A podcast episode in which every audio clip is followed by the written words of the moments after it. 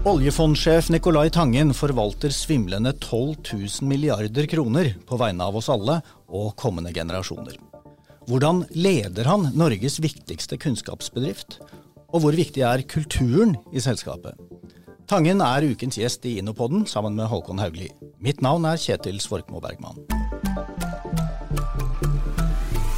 Nicolai Tangen, la oss starte med å høre litt om framtida for eh, oljefondet.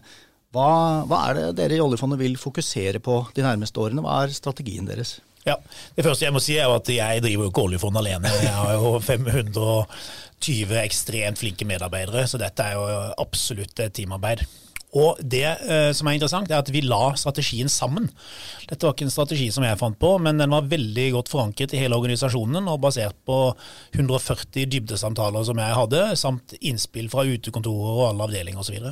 Og, det vi kom frem til vi ville fokusere på, er selvfølgelig først og fremst avkastning, for det er jo derfor vi er her. For å skape verdier for Norge. Og så hadde vi to andre eh, punkter som vi syntes var veldig viktige. Det ene var kommunikasjon, både internt og eksternt og derfor sitter jeg f.eks. her. Og det andre var mennesker, og hvordan vi jobber med menneskene i fondet. Ja, og, og det siste er viktig. Hvor, hvor, viktig er det for dere å bygge en organisasjonskultur? Dere forvalter altså nesten 12 000 milliarder kroner. Hvordan bygger du kulturen i selskapet da? Ja, Nå er det jo allerede en veldig fin kultur der, og det er jo det som er så, så spennende.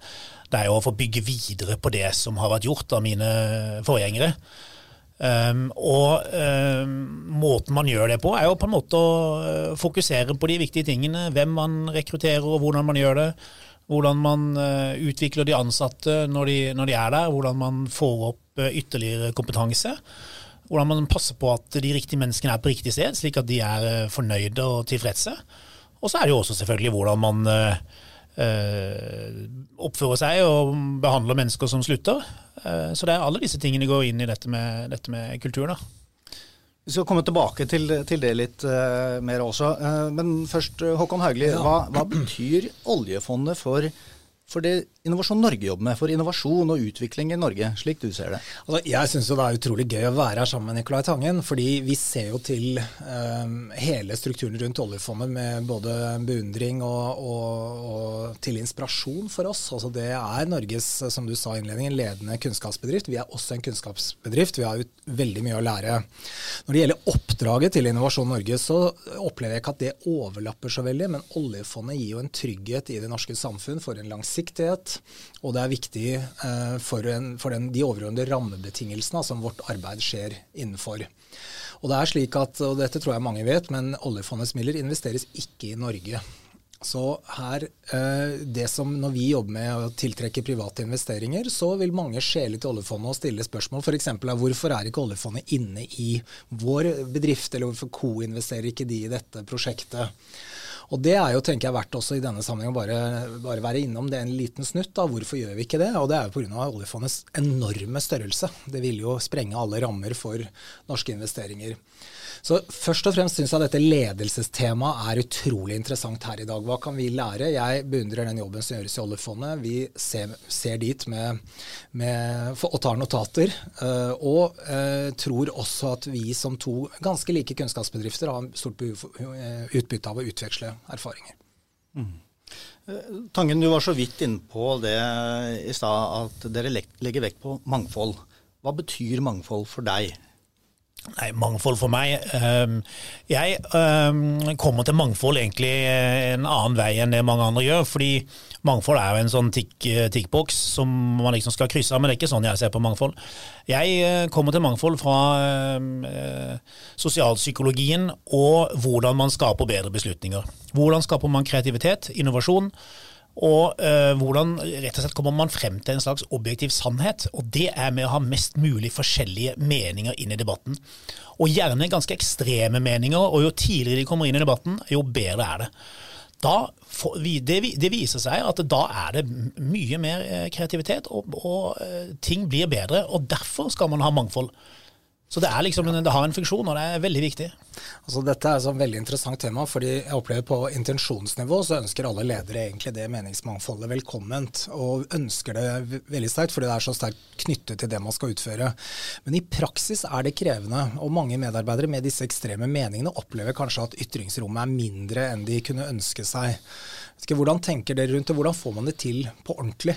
Nei, jeg tror det er flere ting å gjøre på. Vi hadde et foredrag forrige uke av forfatteren av denne boken som heter Weird. Og jeg tenker jo det å ha litt eh, gale folk rundt forbi er en bra ting. Eh, og det må være høyt under taket. Og det gjelder jo alt fra eh, religion og bakgrunner og utdannelser etc. Så det er kjempeviktig. Men det som jeg syns er interessant med, med, mangfold, er det at hvis du delegerer rekrutteringsprosessen i firmaet ditt til HR og Eh, juniorpersoner innenfor HR, så får du ikke noe mangfold. Nei. For det er risikabelt å ansette merkelige folk. Ja. um, men hvis du får det rett, så blir det så helt ufattelig bra. Og det de gjør da, det er jo å ansette bestemann på Handelshøyskolen. Det er ingen risiko. Det er som å drive og kjøpe datautstyr til bedriften din. Det er liksom ingen får sparken av å kjøpe IBM. Men det er ikke sikkert det er best. Og Derfor må du ha en toppledelsen, for det er risikabelt å ansette folk som er annerledes. Mm. Men hvis det først blir bra, så blir det utrolig bra. Og Derfor er jo jeg veldig aktivt involvert i rekruttering og treffe studenter osv. Jeg var i Trondheim tidligere denne uken og traff en haug med flinke mennesker på NTNU, og hadde jo altså, den beste dagen noensinne. Ja. Nettopp. Disse, dette er jeg veldig enig i. og dette med risiko til, altså Vi snakker jo mye om risikomatrise. Det er jo litt sånn det samme. da, Man må ha noen som representerer stor risiko, men med en, stor, en høy oppside for virksomheten, også i rekrutteringssammenheng. Og så må jo de ha en vei inn i virksomheten som er, som er håndterbar. Da, og Der er, er det jo, tror jeg, mye å gjøre også på å forberede på at ja, det er, noen, det er noen koster som kanskje børster den andre veien på veien inn for disse som kan representere noe nytt og en annerledes måte måte å tenke på. Det er ikke bare rett fram. Ingen blir applaudert inn da, med, med, sine synspunkter. Og det handler om kultur. Hvordan bygge den organisasjonskulturen som har den nødvendige åpenheten, men hvor de meningsbrytningene er reelle og, og um, konstruktive. Men, eh, altså, men, det er jo interessant også. Eh, det er jo naturligvis veldig mye fokus på, på mangfold. Um, men vi skal jo ikke glemme Eh, de hvite mennene som vi faktisk har hos oss også. Vi har jo mange hvite menn i oljefondet. De er vanvittig flinke. Og de skal vi også ta vare på. Og kvinner kvinnene også, for den saks skyld. Men, men vi, må, vi, må, ikke glemme liksom, folk i den debatten. Nei, vi må bare passe at alle kommer tre, tre, menn som vel kanskje har passert 50 alle sammen. Da, og, og ser det er jo temmelig triste greier. Kan du forestille deg en, en drømmemedarbeider? Finnes det? Uh, vet du hva, Jeg tror ikke det finnes én drømmemedarbeider, men det finnes jo et drømmeteam, og det setter man jo sammen av masse forskjellige medarbeidere. Men du kan si det vi forsøker å finne i oljefondet, det er mennesker som, har, som er altså, vi kaller det selvsikker ydmykhet. Det er det at du skal være flink, og du skal vite at du er flink, men du skal jammen vite at det er mye du ikke kan her i verden. Og du skal ha et sånn kontinuerlig lærefokus og læremodus, og alltid skulle forsøke å uh, lære nye ting. Lære av feilene dine Eh, og på en måte feire det. Og så tenker jeg at mindreverdighetskomplekser er kjempebra. Um, og uh, det at du har hatt motgang i livet, er kjempebra. For da takler du det på en annen måte når du, når du får det igjen. Når du takler feedback bedre og alt mulig sånn. Så Eh, litt rufsete oppvekst eh, er bra, og litt komplekser er rett og slett ganske fint. Ja, Dette er jeg så enig i, og dette syns jeg også man i rekrutteringssammenheng ser for lite etter. å be folk fortelle om de har du, historiene. Har du komplekser, da? Ja, det, absolutt. Masse komplekser. Jeg, ja, Ja, ja, altså, jeg drøssevis. Jeg vet ikke om jeg skal dra dem her nå, men jeg opplever at jeg si har det. Med deg? Har du mange? Ja, det er jeg nok absolutt si, ja. ja. nettopp. Nei, jeg, i hvert fall tidlig i mitt liv så var jeg veldig, veldig kritisk til hvem jeg var og hvor jeg kom fra. Og, og det tror jeg egentlig i ettertid var, veldig, var veldig nyttige erfaringer for meg. Og gått på noen ordentlige smeller også arbeidsmessig, som jeg har lært utrolig mye av. Mm. Så Det er jo ikke, jeg som er normen her, men jeg tror det å være, ha dette med seg, da, dette mindsettet du nå beskriver, inn i rekrutteringsprosesser, det er så utrolig viktig. Mm. Leste for øvrig noe veldig interessant apropos dette med confident humility, da, liksom selvsikker um, ydmykhet. Um, en ledelseslitteratur som går på det. Hva er, hvordan blir du hvis du har overslag på, på, på confidence og ikke mye competence? Det, det begrepet som ble brukt, var sånn armchair quarterback. Du blir den mm. baksetersjåføren som vet best, men du vet egentlig ikke best. Og det er en skummel rolle å være i. Og den andre, hvis du har overslag på, på, på kunnskap eller eh, kompetens, men ikke på, og ikke har nødvendig confidence, så får man dette med å være kontinuerlig selvkritisk. Og det har jo mange, mange former, men, eh, men, de som ikke rekker opp hånda og, og, trer et skritt tilbake når virksomheten egentlig trenger dem til å ta et skritt fram. Så det har en bevisst holdning til at dette er, et, uh, dette er et kryss, og folk er forskjellige, og vi trenger litt av begge deler, men vi trenger særlig de som, har, som matcher både på confidence og, og competence mm. på en god måte, og evner å kombinere faglig kunnskap, gode, god ledelse med nødvendig ydmykhet. Stille spørsmål, søke svar. Det er, derfor, det er jo eh, interessant i forlengelsen av det. Altså det er jo derfor byråkrati er så dårlig. Fordi jo mer byråkratisk eh, du er som bedrift, jo mindre beslutninger blir tatt langt nede i organisasjonen, og jo mer blir beslutningene tatt på toppen. Og hvem sitter på toppen? Ja, det er jo gamle folk som oss, som er temmelig ubrukelige, egentlig og som eh, ikke kan ny teknologi, som ikke kan uh, omstilling uh, i samme grad. Så det å få bort, uh, få bort byråkratiet er kjempeviktig for å ha en innovativ bedrift. Ja, Dette er jeg også veldig enig i. Jeg tror vi har brukt sånn begrep internt som mat meg-kulturen. Og Det mener ikke at vi er dominert av det, men vi er bevisste at det som kan det ikke være. Svarene kommer ikke ovenfra. Vi er nødt til å gi nødvendig frihet for den enkelte medarbeider til å løse sine oppgaver, men også være tydelig på rammer og forventninger. og da Det gir produksjon og fremdrift og, og, god, og trivsel, vil jeg også si. Uh, tangen er ikke så veldig lenge siden uh, det ble noen overskrifter i mediene da du snakka om endringsledelse som et uh, kørka begrep. men hvordan ja, syns det, du Og det er det jo virkelig. ja, Du kan gjerne si mer om det, men, men hva syns du egentlig om måten vi diskuterer ledelse på her i landet? Nei, altså det er klart at Jeg kom jo med det der Jeg var jo kanskje litt løs i snippen akkurat i den diskusjonen der, men jeg syns jo virkelig det er kørka begrep. fordi Uh, og Det er jo begrepet som er kørka, fordi all ledelse handler jo om finjustering og, og, endring. og forsøke å få ting til å bli bedre, ellers er det jo ikke noe, noe vits i å være der uh, i, i, første omgang. uh, men det er jo interessant også um, altså Folk er jo så fintfølende, og de blir jo krenket så lett. Og at folk kan bli krenket av at man syns et begrep er idiotisk, det er jo også interessant. Og det er, har jo egentlig litt med ledelse å gjøre. Det er jo ikke bare lett å lede i Norge, fordi folk blir veldig krenket, og man skal være veldig forsiktig, og ting må pakkes veldig inn. Ikke vel? Og øh, ja, sånn er det jo. Altså jeg var så glad du hadde det utspillet. Altså var overrasket over intensiteten i reaksjonene. Ledelse, hvis man, hvis man deler opp og sier det er noe som er ledelse og noe som er endringsledelse, så hva er da igjen i ledelse? Det er jo nettopp som du sier, det er jo det som er selve kjernen i ledelse. er jo å oppnå resultater gjennom andre. og for, gjennomføre endringer gjennom andre. Det er det som er ledelse. Det eneste begrepet som kanskje er like dumt, er jo selvledelse. Ja, det er jeg enig i det også. Ja. Selv om både endringsledelse og selvledelse er gode ting å gjøre, så er begrepene veldig dårlige. Ja. Håkon, eh, vi har et navn som eh, forplikter. Vi heter Innovasjon Norge. Eh, klarer Innovasjon Norge å fornye seg selv, og har vi, har vi en ledelsesstil her som bidrar til det?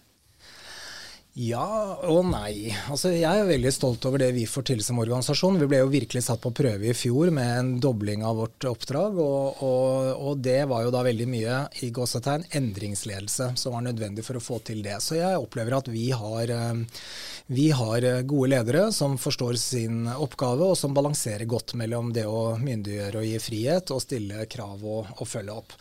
Men det er ingen organisasjon som er utlært på dette, og vi er heller ikke det. Og det å hete Innovasjon Norge, det innebærer også at vi må bli stadig bedre på å ligge i forkant. Ta i bruk ny teknologi, være fremoverlent i måten vi driver virksomheten på, tåle endring påført oss utenfra og ønsket innenfra. Så vi jobber veldig systematisk vil jeg si, med lederutvikling og medarbeiderutvikling for å stadig bli bedre på det. Så svaret på spørsmålet ditt er egentlig nei. Vi er jo ikke der vi skal være. Og samtidig stor stolthet og tilfredshet over der hvor så langt vi faktisk har kommet. Ja, ser du eksempler på innovasjon i vår egen eh, virksomhet? Ja, men dette er også interessant å snakke med oljefondet om. fordi jeg tror Vi eh, sånn, vi driver jo også en, en, virksomhet som er underlagt veldig sterke myndighetspålagte krav. Vi skal innfri noen forventninger både til resultater, men ikke minst etterleve lovens krav, statsstøtteregelverk osv. Det er jo ikke nødvendigvis en oppskrift på en innovativ kultur. Så hvordan balansere det og sørge for at det ikke er trumfkort som slenges på bordet hver gang noen prøver å tenke noe nytt nytt eller gjøre noe på en annen måte, det er viktig. Og samtidig skal vi ivareta disse kravene. Så her tror jeg det er noe å lære da, av noen som ligner på oss. Som f.eks. vil jeg tro oljefondet ligner på oss på dette området. Ja, Vi kan jo også bli bedre, naturligvis. men det vi forsøker på, er jo altså For det første er det jo mye innovasjon i fondet. Det er derfor vi er der vi er nå. Um, men man kan bli enda bedre på å lansere enkelte ting, når, selv om man ikke er 100% sikker på at det funker. For det å gå fra 90% til 100% sikker, det tar ekstremt lang tid og koster veldig mye penger. Og jeg tenker at løsningen da kan være Da må man bare kalle det pilot. For ingen syns det er så kjipt når en pilot uh, feiler, men hvis det liksom er et uh, vanlig prosjekt, så er det liksom litt pinlig. Mm. Og jeg tenker F.eks. innenfor internkommunikasjon har vi hatt mange forskjellige forsøk på ting. Og det er ikke alt som har flydd, men noe liksom funker veldig godt. Og det er nesten umulig å si på forhånd hva det er for noe. Mm. Så det er spennende. Noe av det vi jobber med, er det vi kaller smidig metode, da, som kommer fra IT-verdenen. Dette at et team eier en, eh, en, en, eller annen funksjonalitet og kontinuerlig hver uke evaluerer, altså setter seg en arbeidsplan og så evaluerer på slutten. Og de har fullt og helt eierskap til, til fremdriften i det prosjektet, selvfølgelig da innenfor noen rammer. Den metodikken mener jeg er veldig overførbar til andre deler av det vi holder på med. Det vil si at Hvis det gjøres noen feil i løpet av den uken med smidig utvikling, ja det gjør ikke noe, da restarter man uken etterpå. Men man tester hele tiden mot reelle brukere uh, og i, i, samtid. Så tror jeg også på den pilottanken. Noen, man bør til enhver tid ha en rekke prosjekter gående. Noen har høyere risiko, men kan også mm. avvikles. Og noen har lavere risiko og kanskje ikke samme fare for at de videreføres, men hele veien tenke da hvordan bygge denne innovative kulturen med et Egentlig er det jo, er det jo et sett med ulike virkemidler og aktiviteter som skal til. Også i bånn ligger kulturen, da. Toleransen for at noe går feil. Man kan ikke ha en ledelse som slår ned med knyttneven på den minste feil. Da dreper man en innovativ kultur. Dette pilotbegrepet er vel kanskje noe man ofte forbinder med teknologibedrifter. Mm. Ser du på oljefondet som en teknologibedrift? Ja, jeg ser på oljefondet som en av Norges viktigste teknologibedrifter. Det er jo helt utrolig, egentlig. Vi, I fjor hadde vi 36 eh, millioner transaksjoner, så vi handlet noe sånn som 50 milliarder aksjer. Og det er mer enn hele, hele, Oslo Børs. Og hvis du ser på hva det er vi gjør, vi har jo denne pengesekken da, på 12 000 milliarder. Den begynner vi med i Europa, og så flytter vi den til Amerika. Så går den til Asia, og så får vi den tilbake igjen uh, om morgenen. Så de pengene de sover en og en halv time i døgnet. Så det er en enorm mengde teknologi som går inn her, både når det gjelder eh investeringssystemene våre og risikosystemene og rapporteringssystemer osv. Så, hvis du er flink i IT, så skal du søke til oljefondet. Jeg syns du har brukt noen utrolig gode bilder på hvor mye 12 000 milliarder faktisk er. Kan du ikke dele noen av de med oss? Ja, det er jo altså Hvis du legger sammen verdien av alle hus og hytter og biler og båter i Norge og trekker fra gjelda, så er altså 12 000 milliarder mer enn det. Ja det er helt, det er svimlende. Ja. Samtidig så er det jo ikke sånn at hvis vi stoppet med det som vi holder på med Innovasjon Norge, da, med næringsutvikling eller arbeid, så ville vi jo brukt opp de pengene raskt. Det er riktig, men nå er, står det jo for 25% av statsbudsjettet, så det er jo viktig i Norge, da. Absolutt. Ja. Håkon, eh, Innovasjon Norge jobber tett med virksomhetene, med bedriftene. Ja. Eh, hvordan jobber vi da med, med ledelse og organisasjonsutvikling? Kan du si litt om det? Ja, dette er jo, er jo, utrolig viktig. Men det begynner jo også der da, med våre kunder. Hvordan skal vi til enhver tid være relevante for de kundene vi skal betjene, og ivareta samfunnsoppdraget vårt. Og så må vi oversette derfra inn hva slags ledelse og organisering og eh, kompetanse trenger vi for å lykkes med det. Så vi jo, har har mange klassiske verktøy som introduksjonsopplæring, lederutvikling. Faktisk i dag så har vi hatt en samling for våre ledere på tvers av de tidssonene vi er i, hvor vi har snakket om bl.a. våre lederprinsipper, eller ledelsesprinsipper. Og det er tenke helhet, gjennomføre, bry seg og sette rett retning, er de fire prinsippene. Og de gjennomstyrer alt det vi gjør, at dette er viktig. Og så er det sånn man kan få overslag på alle disse. og Det var litt tema i dag. Du kan bry deg for mye, du kan bli for snill eller dumsnill. Du kan sette retning eller være så tydelig i din innramming av oppgaven at du fratar medarbeidere frihet osv. Så, videre. så det der med å finne riktig balanse da, i etterlevelsen av disse prinsippene, det bruker vi mye tid på. Vi eh, må rett og slett sette sluttstrek der. Det er en, en balanse, det også. Eh, takk skal du ha, oljefondsjef Nicolai Tangen og Håkon Haugli. Eh, vi høres igjen i Innopodden.